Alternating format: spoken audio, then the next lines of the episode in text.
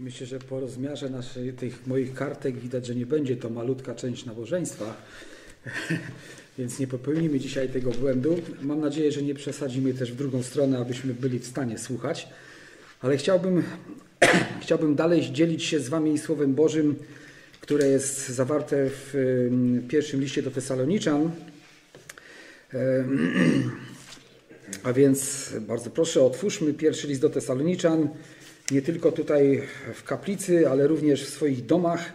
Zechciejmy otworzyć Biblię i pilnie czytać i patrzeć, czy e, co tam jest napisane i, i tak, abyśmy mogli wspólnie rozważać to słowo. A niech Pan Bóg też zdarzy to, żebyśmy nie, nie spędzili tego czasu tylko na wysłuchaniu kaznodziei, ale żebyśmy stali się podobni do Marii, po prostu żebyśmy zasłuchali się w Boże Słowo, żebyśmy z taką rozkoszą i przyjemnością spędzili ten czas nasłuchując, co Pan, co Duch dzisiaj mówi do zborów, co dzisiaj Duch Święty chce powiedzieć do każdego z nas. Ja osobiście jestem bardzo wdzięczny Bogu za to, że mam możliwość rozważania i przygotowywania pierwszego listu do Tesaloniczan. Dzisiaj będzie to czwarty rozdział pierwszych 12 wersetów, które zechciejmy może najpierw przeczytać wspólnie. Pierwszy do Tesaloniczan, czwarty rozdział. A poza tym, bracia, prosimy Was i napominamy w Panu Jezusie, abyście postępowali stosownie do otrzymanego od nas pouczenia, jak macie postępować i podobać się Bogu, jak zresztą postępujecie, abyście tym bardziej obfitowali. Wszak wiecie, jakie przykazania daliśmy wam w imieniu Pana Jezusa. Taka jest bowiem wola Boża. Uświęcenie wasze, żebyście się powstrzymywali od wszeteczeństwa, aby każdy z was umiał utrzymać swe ciało w czystości i w poszanowaniu, nie z rządzy jak poganie, którzy nie znają Boga. Aby nikt nie dopuszczał się wykroczenia i nie oszukiwał w jakiejkolwiek sprawie swego brata, gdyż Pan jest mścicielem tego wszystkiego, jak to wam zapowiadaliśmy i zaświadczaliśmy. Albowiem nie powołał nas Bóg do nieczystości, ale do uświęcenia. To też, kto odrzuca to, odrzuca nie człowieka, lecz Boga, który nam też daje ducha swego świętego. O miłości braterskiej nie potrzeba wam pisać, bo sami jesteście przez Boga pouczeni, że należy nawzajem się miłować. To zresztą czynicie względem wszystkich braci w całej Macedonii. My zaś napominamy was, bracia, abyście tym bardziej obfitowali. I gorliwie starali się prowadzić żywot cichy, pełnić swe obowiązki i pracować własnymi rękami, jak wam przykazaliśmy. tak, abyście wobec tych, którzy są poza zborem, uczciwie postępowali i na niczyją pomoc nie byli zdani. Rozważając od początku pierwszy list do Tesaloniczan, czytaliśmy jak Paweł i Sylas e, w Tesalonicze głosili Ewangelię, że była tam grupa ludzi wśród Tesaloniczan, która przyjęła Boże Słowo. Oni się nawrócili od bałwanów do Boga żywego. Paweł i Sylas nauczają Tesaloniczan, jak mają żyć jako chrześcijanie, dając siebie za przykład we wszelkim postępowaniu i nauczaniu. Ci, którzy nie uwierzyli, wszczynają prześladowanie wobec wierzących w Tesalonice, i Paweł i Sylas opuszczają miasto Tesalonikę, być może ratując nawet swoje życie. Tesaloniczanie pozostają w ogniu prześladowań, trwając przy Jezusie w miłości wzajemnej, aż oraz do wszystkich y, wierzących w całej Macedonii i Wachai, czyli w całej Grecji, dzisiaj byśmy mogli powiedzieć. Paweł rozmyśla nad losem wierzących w Tesalonice i niepokoi się o stan ich wiary. Posyła Tymoteusza do Tesaloniczan aby wzmocnić, zachęcić i też dowiedzieć się o to, jaki jest ich los. Dobre wieści z Tesaloniki są dla Pawła radością i powodują, jak on tam mówi, że żyjemy teraz, skoro wytrwacie w Panu. Pisze pierwszy list do Tesaloniczan, aby ich utwierdzić w wierze i praktycznym chrześcijaństwie. I czwarty rozdział, który dzisiaj jest przed naszy, naszym rozważaniem, jest rozdziałem, który zajmuje się w szczególny sposób taką praktyczną stroną chrześcijaństwa. Oczywiście nie zajmuje się wszystkimi rzeczami związanymi z naszym ziemskim życiem i tą praktyczną stroną, jak powinni chrześcijanie się zachowywać w różnych, e, przeróżnych sytuacjach naszego życia, ale zajmuje się częścią z tych rzeczy, o których mówił wcześniej Tesaloniczanom i teraz chcę jeszcze im o tym przypomnieć, odświeżyć i zachęcić do głębszego naśladowania Pana Jezusa. Taką główną myślą, która jest związana z dzisiejszym naszym tekstem, jest myśl zawarta w trzecim wersecie czwartego rozdziału. Taka jest bowiem wola Boża, uświęcenie wasze. Ta myśl powtórzona jest w siódmym wersecie, albowiem nie powołał nas Bóg do nieczystości, ale do uświęcenia. Tak więc rozdział czwarty rozpoczyna się zachętą do nieustawania w duchowym wzroście. Paweł wie od Tymoteusza, że Tesaloniczanie trwają w Bogu i zagrzewa ich zachętą, aby dalej wzrastali i obfitowali w pobożnym postępowaniu e, zgodnie z tym pouczeniem, jakie oni im właśnie dali, kiedy jeszcze byli między nimi. Postawa, w której wierzący człowiek uznaje, że nie potrzebuje dalszego duchowego wzrostu, że to, co ma, właściwie go zadowala, to daje mu pewien spokój, takie, spokojne życie, szczęśliwe, zadowolenie z tego wszystkiego, co go otacza. Mam zbawienie, mam braci i siostry, mam rodzinę, pracę. O, no cóż więcej mi jeszcze potrzeba. Wiecie, był taki człowiek, tak, który tak powiedział. I mówi, zbierzcie te moje wszystkie żniwo, to całe na spola do nowej stodoły i potem będę sobie tylko już po prostu odpoczywał. I my wiemy, że Pan Jezus tam bardzo ostrzega, że to jest bardzo fałszywe rozumowanie. Tak więc, jeśli człowiek wierzący uznaje, że nie potrzebuje dalszego wzrostu w poznawaniu Boga, Bożego Słowa, w tym samym podobieństwie, do, wzrastania w podobieństwie do Pana Jezusa, to jest to początek duchowego upadku. Dlatego, Paweł tak bardzo pobudza Tesaloniczan, aby szli do przodu i dalej wzrastali. Po raz drugi, w drugim wersecie, najpierw mówi czwartym, potem drugim, przypomina im, że te przykazania o jakości życia zostały im już dane. I to, że to apostoł Paweł uczynił, kiedy był między nimi. Nie był tam chyba zbyt długo, ale bardzo wiele rzeczy im powiedział i pozostawił i nauczał, które teraz mógł po prostu tylko im przypominać. E, przypominam im, że wiedzą, jakie przykazanie otrzymali od apostoła i jego współpracowników, ale e, oni też byli w takiej sytuacji, że nie mogli powiedzieć: No, ale Pawle, ty nam nie powiedziałeś o czym, nie, po, nie, nie poinformowałeś nas. E, dzisiaj mamy całe Pismo Święte, to znaczy, że Bóg zadbał, abyśmy byli też solidnie poinformowani.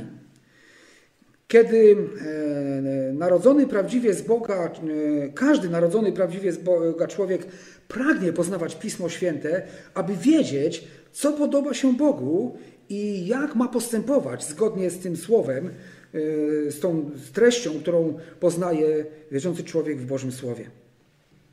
Ten stały duchowy wzrost jest i obowiązkiem chrześcijanina, tak Słowo Boże nam tutaj pokazuje, ale też jest naturalną konsekwencją i naturalnym dążeniem każdego człowieka, który jest prawdziwie narodzony na nowo, narodzony, który jest rzeczywiście narodzony z Bożego Ducha.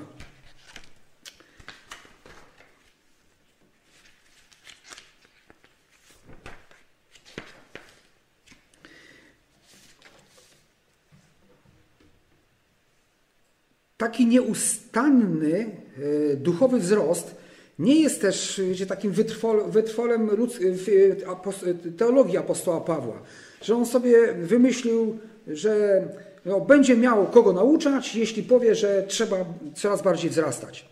Ale Słowo Boże w trzecim wersecie, tutaj w naszym czwartym rozdziale mówi, że taka jest wola Boża, to nie jest wola apostoła Pawła. Apostoł Paweł wiedząc o tym, że taka jest wola Boża, nie zachowuje tego dla siebie, ale przekazuje to zborowi w Tesalonice. Przekazuje to również dzisiaj dla nas. Dlatego jest to zawarte w Piśmie Świętym, abyśmy wiedzieli, jaka jest wola Boża. Otóż wola Boża jest taka, że tą wolą Bożą jest nasze uświęcenie. Uświęcić oznacza oddzielić dla Boga, dla Bożego użytku. Z jednej strony wszyscy wierzący zostali oddzieleni od tego świata, aby służyć Bogu. Jest to nazywane tym uświęceniem wynikającym z naszej pozycji w Chrystusie, w wyniku uwierzenia, pokuty, upamiętania, nowozrodzenia. Zostaliśmy już przeniesieni ze śmierci do życia. A więc y, to jest nasza pozycja w Chrystusie. Jest to doskonałe i pełne. Y, nasze usprawiedliwienie następuje w chwili uwierzenia i jest ono doskonałe i pełne. To usprawiedliwienie i uwolnienie od kary za grzech. Z drugiej strony wierzący powinien uświęcać się, to znaczy wierzący powinni oddzielać się od wszelkich form grzechu. Jest to proces. Jest to to, do czego wzywa nas Słowo Boże, abyśmy czynili. Bóg nigdzie nie mówi, ja to za was zrobię. To proces, który będzie trwał aż do śmierci wierzącego lub do przyjścia Pana Jezusa. I trzeci werset właśnie mówi o tym, mówiąc, że uświęcenie jest wolą Bożą.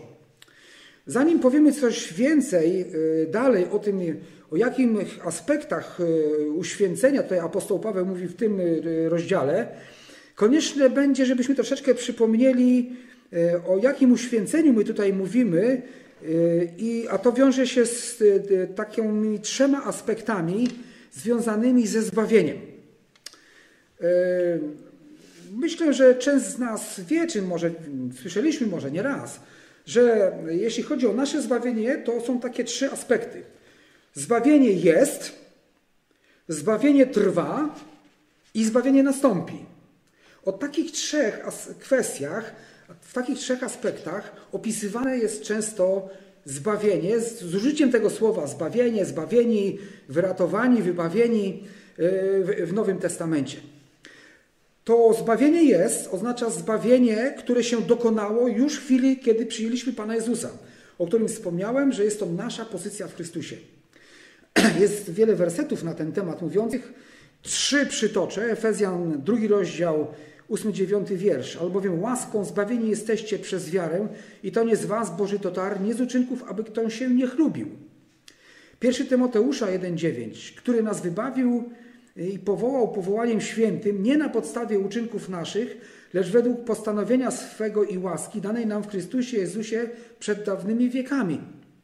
Tytusa 3:5 zbawił nas nie dla uczynków sprawiedliwości, które spełniliśmy, lecz dla miłosierdzia swego przez kąpiel odrodzenia oraz odnowienie przez Ducha Świętego. Zbawienie, to, które się dokonało, to jest uwolnienie od władzy grzechu, od kary za grzech dzięki usprawiedliwieniu i odrodzeniu, które mamy w Bogu Ojcu z udziałem Chrystusa, Ducha Świętego i przez Słowo Boże. Jest to nasza pozycja w Chrystusie. Przeniesieni ze śmierci do życia, z królestwa diabła do królestwa e, Bożego umiłowanego Syna. To jest to zbawienie, którym zostaliśmy usprawiedliwieni. To się dokonało w jednej chwili, raz na zawsze. Jest też zbawienie, czy też takie wybawianie teraźniejsze ono trwa przez całe nasze życie. I tutaj mamy sporo wersetów. I dobrze, że sporo, ponieważ ono dotyczy sporej części naszego życia. Właściwie w większej części życia, e, które przeżywamy na ziemi, w szczególności jeśli za młodu uwierzyliśmy Chrystusowi i przyjęliśmy zbawienie z Jego rąk. List do Hebrajczyków 12:14 mówi tak: Dążcie do pokoju ze wszystkimi i do uświęcenia, bez którego nikt nie ujrzy Pana właśnie to, ten proces wybawiania od y, ulegania grzechowi jest tutaj nazwany tym uświęceniem, bez którego nikt nie ujrzy Pana. A więc jeśli chcemy oglądać bliskość Bożą w naszym życiu, musimy wzrastać w, y, w, tym uświęceniu, w tym codziennym umieraniu dla grzechu, w tym codziennym zbawianiu czy wyratowywaniu, które z Bożą pomocą się dzieje od wpływu grzechu, który chce nas usidlić i popychać do e, wykonywania grzesznych uczynków. Filipian 2:12. Przeto umiłowani moje, jak zawsze, nie tylko w mojej obecności, jeszcze bardziej teraz pod moją nieobecność, byliście posłuszni z bojaźnią i zadrżeniem zbawienie swoje sprawujcie. To jest powiedziane do ludzi już zbawionych, że mają z bojaźnią i zadrżeniem zbawienie swoje sprawować. Czy to znaczy, że nie jesteśmy pewni zbawienia? Nie. To znaczy, że nasz duchowy wzrost to uświęcanie musimy sprawować przede wszystkim. To nie jest coś, co się sprawi samo. Jesteśmy tutaj wezwani do tego, żeby współdziałać z Bogiem, współdziałać z, z Duchem Świętym, który chce nas prowadzić do coraz większego podobieństwa do Pana Jezusa. Rzymian, je, 6 rozdział 11-14. Podobnie wy uważajcie siebie za umarłych dla grzechu, a za żyjących dla Boga w Chrystusie Jezusie, Panu naszym. Niechże więc grzech nie panuje w śmiertelnym ciele waszym, abyście nie byli posłuszni porządliwościom Jego i nie oddawajcie członków swoich grzechowi na oręż e, nieprawości, ale oddawajcie siebie Bogu jako ożywionych, zmartwych, a członki swoje Bogu na oręż sprawiedliwości, albowiem grzech nad wami panować nie będzie, bo nie jesteście pod zakonem, pod łaską. To dotyczy również sprawy uświęcenia w naszym chrześcijańskim życiu. Tego duchowego wzrostu, w którym mamy świadomość, że kiedy umarliśmy z Chrystusem, umarliśmy dla starego życia i dla starego naszego, i dla świata, i dla grzechu, który jest w świecie, i dla rzeczy, które czyniliśmy bez żadnych obaw w przeszłości, a teraz i że nasze ciało, które czyniło złe rzeczy, jest teraz w Chrystusie przeznaczone do czynienia rzeczy na Bożą chwałę. I w tej świadomości podejmujemy i mamy podejmować trud codziennego umierania dla grzesznych pragnień, które w naszej cielesności, w naszym ciele ciągle jeszcze są.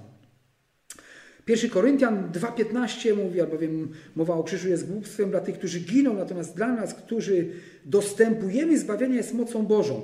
Jest znowu w czasie jakby teraźniejszym. Y, jedno z tłumaczeń mówi, którzy jesteśmy na tej drodze ku zbawieniu.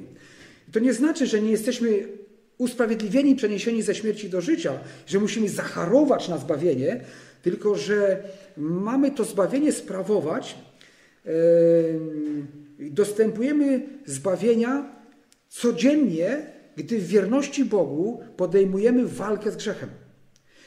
Y, wszystko ta cała zachęta do uświęcenia jest pokazywana w Bożym Słowie bardzo często w tej takiej perspektywie, która jest przed nami, związanej z, ze spotkaniem z Panem Jezusem Chrystusem, kiedy spotkamy się z Nim na powietrzu, kiedy On przyjdzie. E, wiele napomnień dotyczących naszego chrześcijańskiego życia odnosi się do tego, że w przyszłości musimy stanąć twarzą twarz z Chrystusem, z Bogiem i tam będziemy ocenieni z naszego chrześcijańskiego życia. Nie będziemy oceniani w kwestii zbawienia czy niezbawienia, czyli y, bycia w niebie czy nie bycia w niebie, ale to będzie czas, kiedy, który zadecyduje, czy nasze tu na, y, y, uświęcanie i to na jak daleko dojdziemy do tego uświęcenia, decyduje od jakości nagrody, jaką otrzymamy w niebie. Ponieważ wszyscy otrzymamy nagrodę za dojście do mety, lecz będą to różne nagrody. Słowo Boże o tym mówi. Tak więc teraźniejsze zbawienie polega na uwalnianiu od mocy grzechu dzięki uświęceniu. Jest to wspólne dzieło Boga i człowieka. Proces uśmiercania starej natury. Zacytuję też pewien e, taki krótki artykuł z, roz, z codziennych rozważań. Zapomniałem tytuł, E, jak brzmi ta książka z codziennymi, codziennymi rozważaniami, tu jest powiedziane tak. Bardzo niewielu jest zdecydowanych ponosić cierpienia, z których wypływa prawdziwa łagodność. Zanim staniemy się łagodnymi, musimy umrzeć, a, a ukrzyżowanie połączone jest z cierpieniem. Dopiero prawdziwe i całkowite złamanie swojego ja przyprowadza serca nasze do skruchy i daje nam zwycięstwo nad cielesnym rozumem. I jest trzeci aspekt związany ze zbawieniem, zbawienie przyszłe. Jest to to, co spotka nas od chwili spotkania z Chrystusem na powietrzu. Jest to zbawienie, które nastąpi. Albo moglibyśmy powiedzieć, jest to absolutne wybawienie od wszystkiego, co jest związane z grzeszną przeszłością. Rzymian 13:1 mówi, a to czyńcie, wiedząc, że już czas, że już nadeszła pora, abyście się ze snu obudzili, albowiem teraz bliższe jest nasze zbawienie niż kiedy uwierzyliśmy. I to dotyczy tego, co nas spotka, kiedy ujrzymy Chrystusa takim jest, jakim jest i staniemy się do Niego podobni. E, Hebrajczyków 9:28. Taki Chrystus raz ofiarowany, aby zgładzić grzechy wielu, drugi raz ukaże się nie z powodu grzechu, lecz ku zbawieniu tym, którzy go oczekują. E, to, to, jest, to zbawienie użyte jest w, w odniesieniu do tego, co spotka nas, kiedy zostaniemy przemienieni w nowe ciało i kiedy wszystkie pierwsze rzeczy przeminą. To przyszłe zbawienie związane jest z uwielbieniem, czyli z takim otoczeniem chwałą, wyniesieniem do chwały nas jako dzieci poprzez właśnie obdarowanie nas y, nagrodami, które są przygotowane. Jest to pełnia zbawienia, całkowita wolność od obecności grzechu, czego w ogóle naprawdę nie jesteśmy w stanie chyba do końca sobie wyobrazić, jak może wyglądać życie w całkowitej wolności od obecności grzechu. Dzisiaj żyjemy w stanie zbawienia duszy z obecnością grzechu w naszym śmiertelnym ciele. Dlatego Słowo Boże mówi, że potrzebujemy uświęcenia, bez którego nikt nie ujrzy Pana. Jest to dzieło Boga Ojca e, przez Chrystusa i Ducha Świętego. Teraz możemy pójść dalej. Myślę, ważne było, żebyśmy przypomnieli sobie, e, czy odświeżyli to, że zbawienie jest e, w Piśmie Świętym w takich trzech aspektach wyrażane. I ono dzieje się też z jednej strony pewne rzeczy się już stały i jest to nie, niepodważalne i, i, i te, czego nie, nie, nie, może nikt nam zabrać, ale jest ten proces, który zależy od naszego też współdziałania z Bogiem, w jaki sposób będziemy wzrastać i w jaki sposób będziemy też nagrodzeni w przyszłości, kiedy znajdziemy się razem z Chrystusem. W trzecim wersecie, w drugiej jego części czytamy, E, pierwsza była, że taka jest bowiem wola Boża, uświęcenie wasze, żebyście się powstrzymywali od wszeteczeństwa. E, w pierwszym takim kolejności e, to słowo wszeteczeństwo kojarzone się jest z nierządem, czyli z, rozwiązłością seksualną. Dlaczego apostoł Paweł pisze? Czyżby tam, ta, w taki sposób do Tesaloniczan, czyżby tamte czasy były podobne do naszych czasów, które w tej kwestii bardzo się ostatnio rozwinęły? Ten grzech jest zawsze współczesny. Nierząd, rozwiązłość, wszeteczeństwo to było coś, co towarzyszyło człowiekowi właściwie od zarania. Jeśli Paweł z natchnienia Ducha e, Świętego o tym pisze, to znaczy, że tamto społeczeństwo było również zarażone grzechem wszeteczeństwa, czyli nierządu.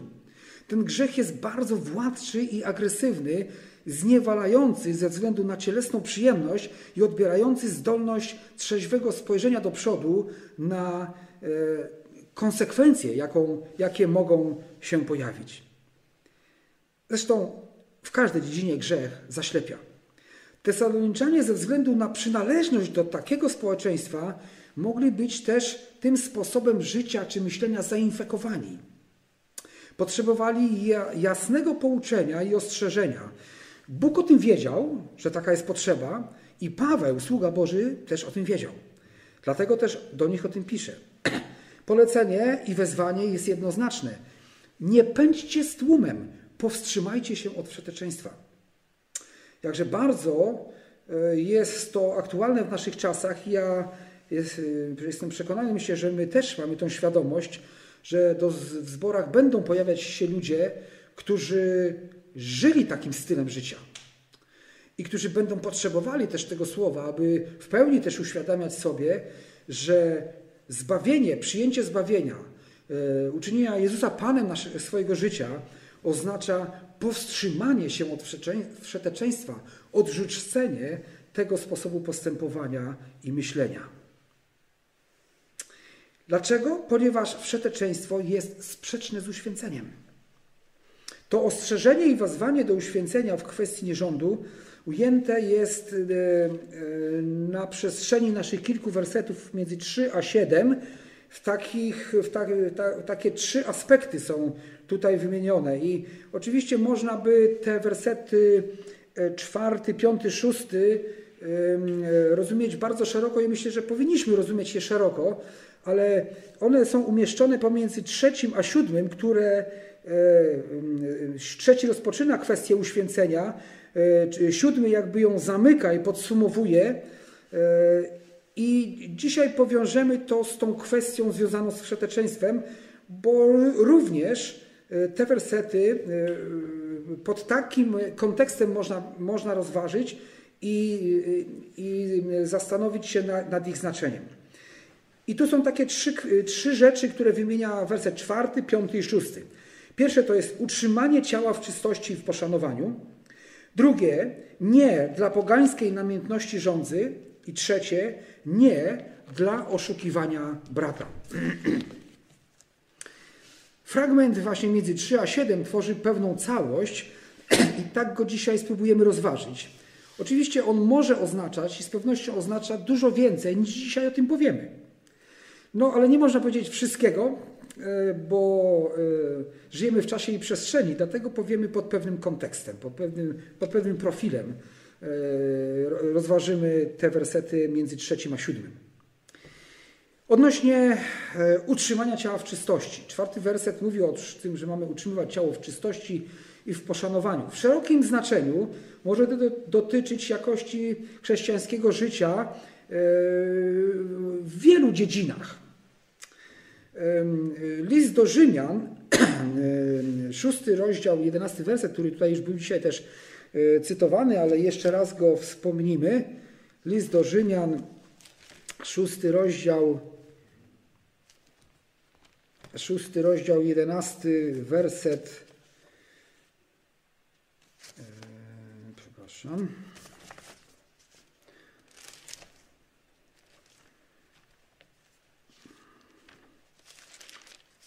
Szósty rozdział, jedenasty werset do trzynastego. Podobnie i wy uważajcie siebie za umarłych dla rzeku, a za żyjących dla Boga w Chrystusie Jezusie Panu naszym. Niech więc nie panuje grzech w śmiertelnym ciele waszym, abyście nie byli posłuszni porządliwościom Jego i nie do, oddawajcie członków swoich grzechowi na oręż nieprawości, ale oddawajcie siebie Bogu jako ożywionych z martwych, a członki swoje Bogu na oręż sprawiedliwości. I tu o naszym ciele Słowo Boże mówi, że w każdej dziedzinie ma być nasze ciało y, na służbie Chrystusowej. Że nasze ciało mamy świadomie używać do rzeczy, które są święte i do rzeczy, które będą przynosiły cześć dla Chrystusa. Ten tekst z Rzymian 6, 11, 13 jest przykładem wskazującym na, na tą głębię naszej odpowiedzialności za używanie naszego ciała. W kontekście trzeciego wersetu y, możemy go odczytać jako wezwanie do poszanowania ciała, jakim jest małżeństwo. Pismo Święte mówi, że w małżeństwie mąż i żona są jednym ciałem, stanowią jedno ciało, podobnie jak Chrystus z Kościołem. Użyte tutaj słowo ciało w liście pierwszym, e, w pierwszym Piotra, w trzecim rozdziale oznacza, czy odnosi się do żony, jako, e, tam jest wymienione jako to słabszy rodzaj niewieści. Tam jest e, też to, to samo słowo, które wskazuje na to ciało jako, jako, jako żonę, jako część w małżeństwie. Idąc za tą myślą, Słowo Boże naucza tutaj, że kiedy wierzący i niewierzący człowiek że każdy wierzący i niewierzący człowiek powinien traktować swoją żonę w sposób prawy i przyzwoity, nigdzie nie zniżając się, czy nigdy nie zniżając się do niewierności małżeńskiej. Nad niewiernością małżeńską ubolewa Jeremiasz w piątym rozdziale.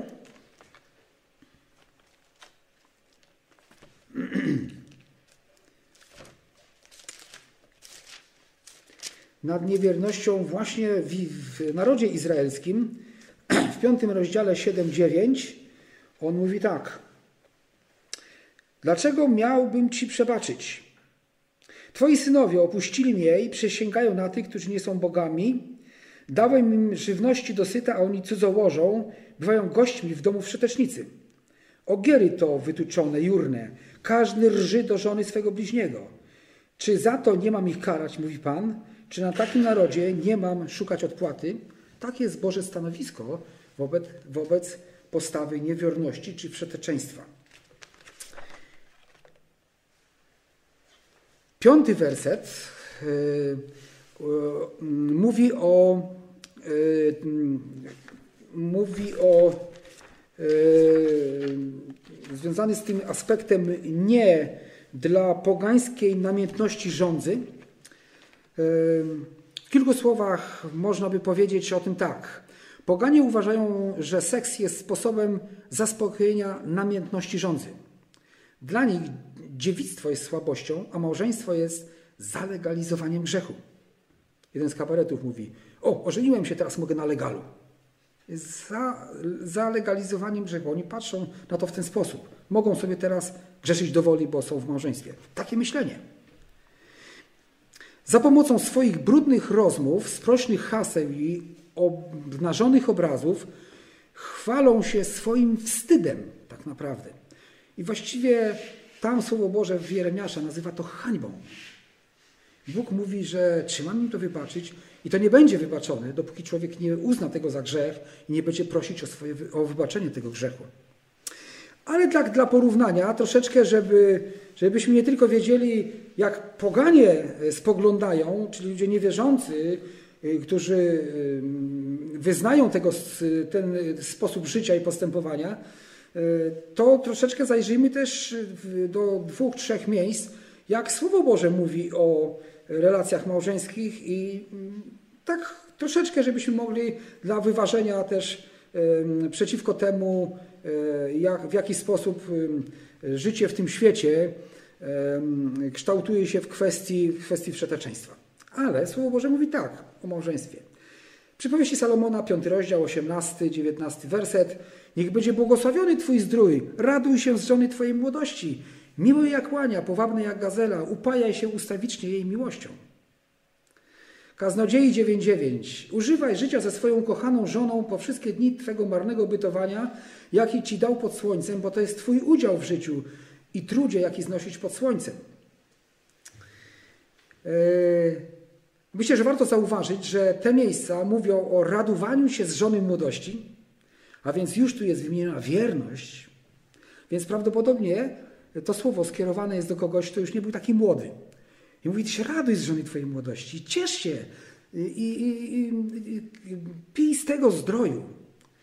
Dalej Słowo Boże przedstawia i, i zachęca do tego, żeby widzieć w, w swojej, żonie swojej młodości, że jest miła jak łania i powabna jak gazela. Że mamy widzieć atrakcyjne nasze żony przez całe życie i upajać ustawicznie jej miłością. Kontekst wskazuje również na pożycie w małżeństwie, to seksualne pożycie. Również Kaznodziei 9.9 mówi o tym, że mamy używać życia ze swoją ukochaną żoną po wszystkie dni swojego marnego bytowania. A 1 Koryntian 7.5 mówi, nie strącie od współżycia z sobą, chyba za wspólną zgodą do pewnego czasu, aby oddać się modlitwie, a potem znowu podejmujcie współżycie, aby was szatan nie kusił z powodu niepowściągliwości waszej. A więc Słowo Boże zachęca do współżycia, e, mówi o niebezpieczeństwach wynikających z uciekania od również tego małżeńskiego obowiązku, ale też myślę, że nie tylko obowiązku. A więc Słowo Boże daje nam wskazówki również i w tych tak bardzo przyziemnych, moglibyśmy powiedzieć, ale przecież stworzonych przez Boga dziedzinach naszego życia i za to Bogu również niech, niech będzie chwała. W szóstym e, wersecie czytamy, e, że to jest ta kwestia związana z nie dla oszukiwaniem brata swego.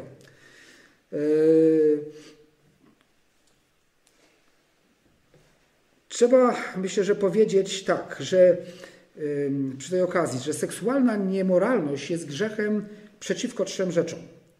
Jest grzechem przeciwko własnemu ciału i przeciwko Duchowi Świętemu. O tym czytamy w 1 Koryntian w 6 rozdziale, wersety 18-19. 1 Koryntian, 6 rozdział 18-19. Uciekajcie przed wszeczeństwem. Wszelki grzech, jakiego człowiek się dopuszcza, jest poza ciałem, ale kto się wszeteczeństwa dopuszcza, ten grzeszy przeciwko własnemu ciału. Albowiem, czy nie wiecie, że ciało wasze jest świątynią Ducha Świętego, który jest w was, którego macie od Boga i że nie należycie też do siebie samych? Drogoście bowiem wykupieni, wysławiajcie Boga w ciele waszym. A więc to są te dwie, dwa aspekty, że grzesząc yy, tą niemoralnością yy, seksualną, czeszymy przeciwko własnemu ciału, i również przeciwko Duchowi Świętemu, ponieważ Duch Święty mieszka w ciałach naszych. ale też jest to grzech y, dotykający innych osób. I myślę, że właśnie e, ten szósty werset, e, gdy, jeśli, będziemy, jeśli rozpatrujemy to w kontekście ostrzeżenia przed przeczeczeństwem, zawartym w trzecim wersecie, którym czytamy, aby nie dopuszczał się wykroczenia i nie oszukiwał w jakiegokolwiek swego brata, że to również może się odnosić do tej sprawy. Z pewnością werset szósty dotyczy również y, wykro, y, wykrocz, wielu innych dziedzin naszego życia. Y, w żadnej sprawie nie mamy oszukiwać swojego brata. Ale jeśli w żadnej, to również w kwestii związanej z taką nieczystością nazwaną wszeteczeństwem. Z pewnością dotyczyć może również wykroczeń seksualnych. Innymi słowy, chrześcijański mężczyzna nie może wkroczyć w granice małżeństwa brata i oszukiwać go, kradnąc uczucia jego żony. W tym sensie, w taki, pod tym kątem, e, to oszukiwanie brata, również czy e, ostrzeżenie o nieoszukiwanie brata w jakiejkolwiek sprawie, jest takim dodatkowym argumentem który jest, nie, który jest za tym, aby, że nie do przyjęcia jest, aby ta e, niemoralność, która jest w świecie, była w jakichkolwiek udziałem w naszym chrześcijańskim życiu. Co ciekawe, w dzisiejszych sądach nie jest takie postępowanie w zasadzie karane. A już naprawdę, a już z pewnością nie w naszej kulturze tutaj zachodniej. Właściwie e, oglądając czasami w telewizji, te programy policyjne, detektywistyczne, to praktycznie żaden sąd nie sądzi za to, że ktoś zdradził męża czy żonę. Wiecie, świat się po prostu od tego zdystansował. W dzisiejszych sądach takie postępowanie w zasadzie nie jest karane, ale Boży Sąd takich kwestii nie pomija.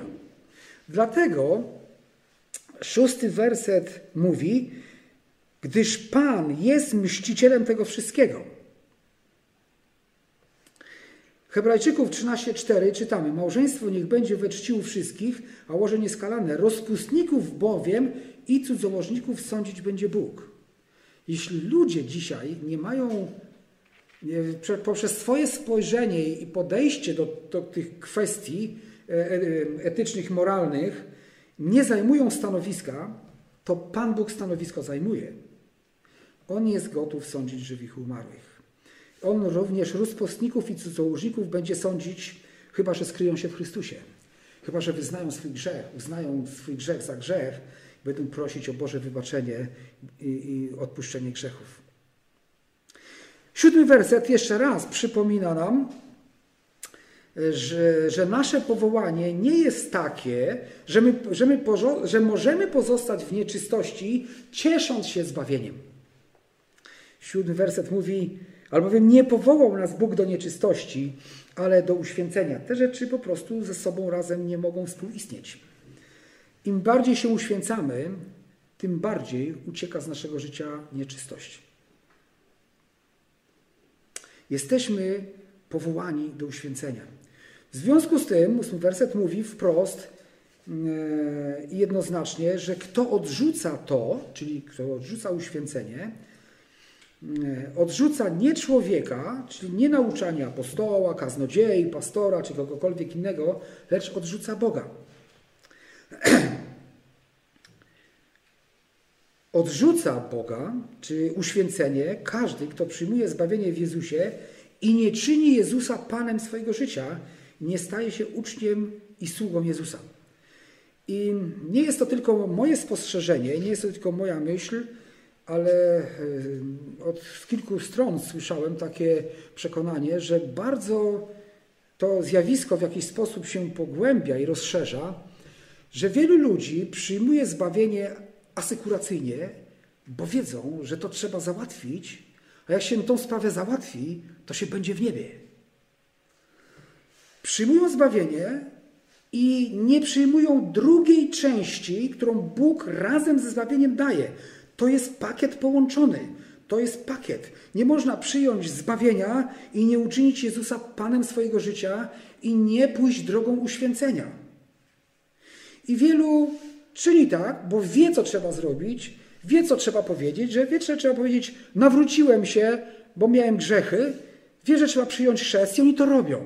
I uspokajają fałszywie swoje serce, mówiąc: Teraz jestem święty, jestem zbawiony. I dalej żyją w taki sposób, żeby to sprawiało im szczęście własne, im ich przyjemność, nie ponoszą trudu i bólu uświęcenia. I tu znowu chciałbym pewien cytat przytoczyć. W obecnym czasie bywa bardzo wiele rozumowego i logicznego uświęcenia, które nie jest niczym innym jak religijną fikcją. Polega ono na tym, że człowiek rozumowo składa siebie na ołtarzu ofiary, a następnie rozumowo twierdzi, że ołtarz uświęca dar i dochodzi do logicznego wniosku, że jest uświęcony. Taki człowiek odchodzi z lekkomyślną, e, teologiczną gadaniną o głębokich prawdach Bożych. Mówiąc jeszcze innymi słowy, e, odbywa się tutaj intelektualne nawrócenie czy zgodzenie się e, z prawdami Ewangelii, z etyką, z moralnością, z pewnymi naukami. Jest intelektualne opowiedzenie się, czyli ktoś staje się wyznawcą kościoła czy zboru, nigdy nie rodząc się w swoim sercu, nie stając się nowym stworzeniem.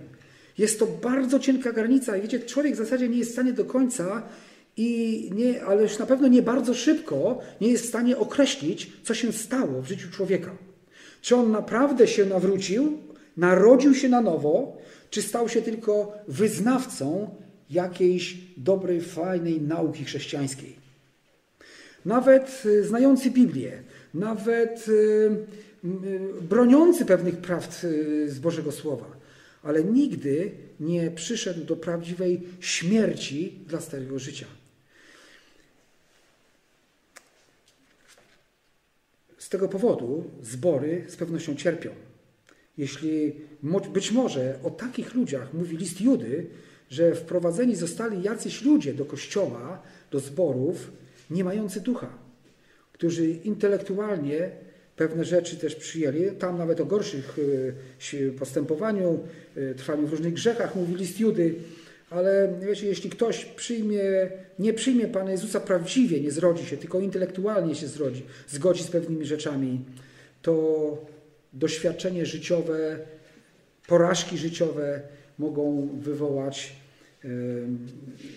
od, wiele odstępstw od Bożego Słowa. Życie, doświadczenia, próby muszą przyjść, aby pokazać, kto jest prawdziwym chrześcijaninem. I o tym czytamy też w pierwszym do Koryntian, wydaje, że w 10 czy w 11 rozdziale, że muszą być spory między wami, aby się okazało, kto jest prawdziwym chrześcijaninem. Tak więc, kto odrzuca to, odrzuca nie człowieka, lecz Boga, który daje nam swego Ducha Świętego. Jeśli daje Ducha swego Świętego, to Rzymian 6,19 mówi, albowiem czy nie wiecie, że ciało wasze jest świątynią Ducha Świętego, który jest w was i którego macie od Boga i że nie należycie też do siebie samych? Przyjęcie Pana Jezusa oznacza rezygnację z przynależności tylko do samego siebie. Przyjęcie Pana Jezusa oznacza rewolucję w życiu oznacza przede wszystkim przyjęcie uczniostwa, czyli upodobniania się do swojego nauczyciela.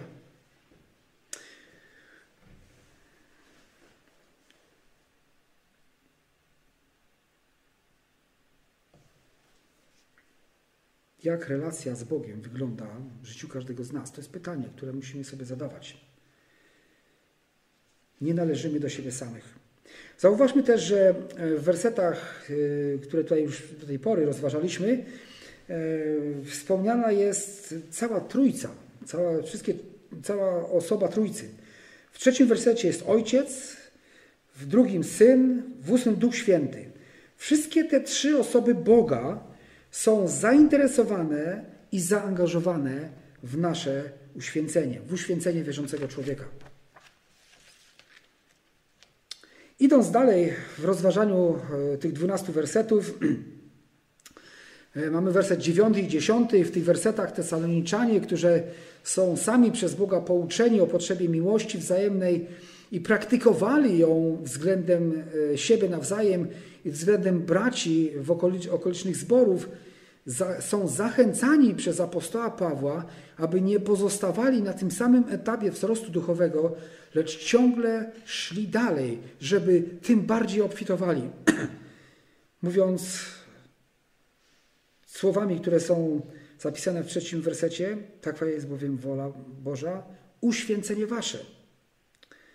Do uświęcenia powołał nas Bóg, czyli do ciągłego duchowego wzrostu, do tego, y, do tego zbawienia, które jest teraźniejszym zbawieniem, w którym umieramy każdego dnia dla swoich starych, grzesznych przyzwyczajeń, dla swoich bezbożnych planów. Wiecie, każdy plan w życiu chrześcijanina, w którym nie bierze się pod uwagę woli Bożej, jest bezbożnym planem.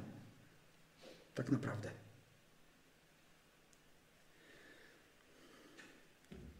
Zamilkłem, bo zastanawiam się, ile razy bezbożny plan miałem.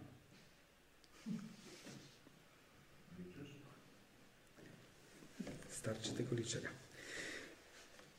Słowo Boże nas zachęca i przez apostoła Pawła, że i to, co wspomniałem też wcześniej, jeśli, jeśli znajdziemy się w takim miejscu, sposobie myślenia, w którym powiemy, nie jest źle, tak właściwie stoimy na skraju przepaści. Słowo Boże mówi, jeśli ktoś uważa, że stoi, niech uważa, żeby nie upadł. Apostoł Paweł, e, aby nie, e, przepraszam, e, centrum miłość, czemu miłość braterska jest tak ważna? Apostoł Paweł zachęca ich, aby w tej miłości, której oni są przez Boga pouczeni, że tak należy postępować, bo to wynika z nowozrodzenia. Kto prawdziwie zrodził się z Bożego Ducha, miłuje braci. Pierwszy Jana, drugi rozdział o tym mówi. Pierwszy list Jana, drugi rozdział. To jest naturalną konsekwencją. Jeśli jesteśmy zrodzeni z tego samego ducha, to nie ma opcji, żebyśmy nie miłowali siebie nawzajem. Miłość, czemu miłość braterska jest tak ważna? Ponieważ gdzie jest miłość, tam jest jedność. A gdzie jest jedność, tam jest błogosławieństwo Pana. Y, Psalm 133. O jak dobrze i miło, gdy bracia w zgodzie mieszkają. Jest to jak cenny olejek na głowie, który spływa na brodę, na brodę Arona, sięgającą brzegu jego szaty. Jest to jak rosa Hermonu, która spada na góry Syjonu. Tam bowiem Pan zsyła błogosławieństwo, życie na wieki wieczne. W wersecie 11 Słowo Boże prowadzi nas dalej, wskazując na bardzo praktyczną, codzienną jakość chrześcijańskiego życia. Życia, które jest widoczne dla wszystkich i ma być widocznym świadectwem dla przyglądających się nam pogan, czyli ludzi niewierzących. Świetle Bożego Słowa wszyscy, którzy stoją poza Chrystusem, nie należą do Królestwa Jego, są tak naprawdę poganami. Czyli ludźmi bez Boga, bez żywego, prawdziwego Boga. Nie. Mamy Bożą zachętę przez list Pawła do tego, aby w sposób praktyczny, w, takim, w takich bardzo życiowych sprawach utrzymywać też odpowiedni standard. Jak można by współczesnym językiem opisać, tu korzystam też, przyznam szczerze, troszeczkę z komentarza skorzystałem, że yy, jeśli chodzi o te trzy kwestie. Pierwsze, nie starajcie się być w świetle reflektorów. Bądźcie zadowoleni, poprzestając na małym, będąc małymi, nieznanymi, kochanymi i cenionymi tylko przez Chrystusa. Dzisiejszy, yy, przepraszam. Pełnijcie swoje obowiązki, zamiast wtrącać się do życia innych ludzi. Po trzecie, bądźcie samowystarczalni. Nie bądźcie pasożytami lub próżniakami żerującymi na innych. Duma z bycia chrześcijaninem i oczekiwanie na powtórne przyjście Chrystusa nie zwalnia nas od odpowiedzialności w życiu. Świat nas obserwuje. Wiecie, kiedy byłem w wojsku, to tam mówiono nam, jak byłem na radiostacji, wróg podsłuchuje. Oczywiście była to troszeczkę taka mistyfikacja, żeby uczulić nas na to, żeby nie otwartym tekstem nie nadawać. Chrześcijanie mają nadawać otwartym tekstem, ale Ewangelię, jeśli Słowo Boże mówi, że mamy prowadzić żywot cichy, to czy, czy słyszeliśmy w, jak, w, jakim, w jakim sensie, e, że nie mamy e, oczekiwać e, pochwał, że nie mamy być znani z tego, że codziennie pędzimy samochodem z dużą prędkością, że ciągle się awanturujemy, że we wszystkich urzędach nas znają, bo tam się wykłócamy, bo to czy tamto robimy, jak ktoś nas widzi, to zimny pot ogarnia, bo idzie ten ze słonecznikowej czy z jakiejś innej i, i będzie coś mówił. Tak? Ale jeśli będziemy mieli e, otwarte szeroko usta, głoszące Ewangelię, to taki szum jest błogosławiony.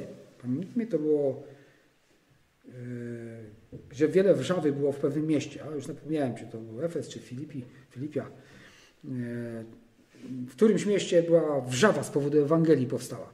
O tak, z takiego powodu możemy być medialni, ale, ale w innych kwestiach Słowo Boże zachęca nas do tego, co tutaj jest zapisane w Bożym Słowie.